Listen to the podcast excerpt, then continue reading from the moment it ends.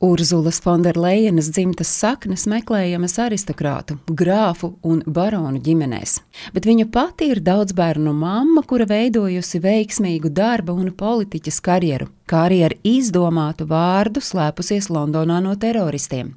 Fonderlejenas tēvs bijis baronu pēctecis, un tieši tāpēc Eiropas komisijas prezidente ir ievērojamas daļas Vācijas koku vilnas industrijas biznesa mantiniece.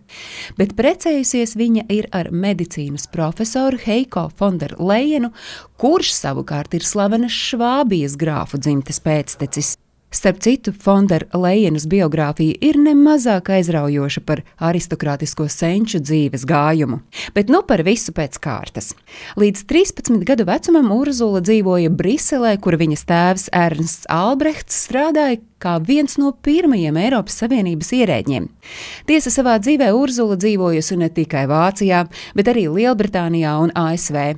Pēc gimnāzijas absolvēšanas Vācijā Urzula studēja ekonomiku. 19 gadu vecumā, kad Vācijas teroristu banda RAF draudēja viņas tēvam, tobrīd Lejas Saksijas premjeram, ka nozags meitu, Urzulai nācās bēgt un slēpties.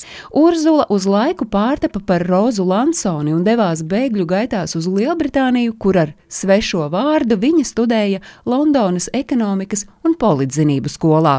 Pēcāk atgriezusies Vācijā, nu jau ar savu īsto vārdu pievērsās medicīnas studijām, strādājusi Hanoveras ginekoloģiskajā klīnikā un ieguvusi medicīnas doktoras grādu.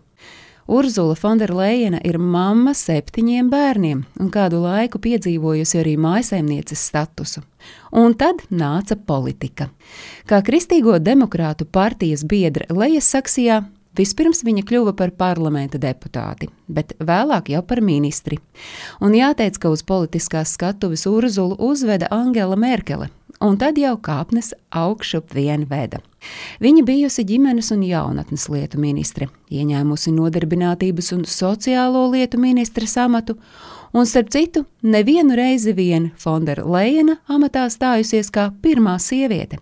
Tā piemēram, viņa Vācijas vēsturē iegājusi kā pirmā sieviete, kura jebkad ieņēmusi Vācijas aizsardzības ministres amatu un ir diezgan loģiski, ka šai dāmai līdzi seko politiskie skandāli.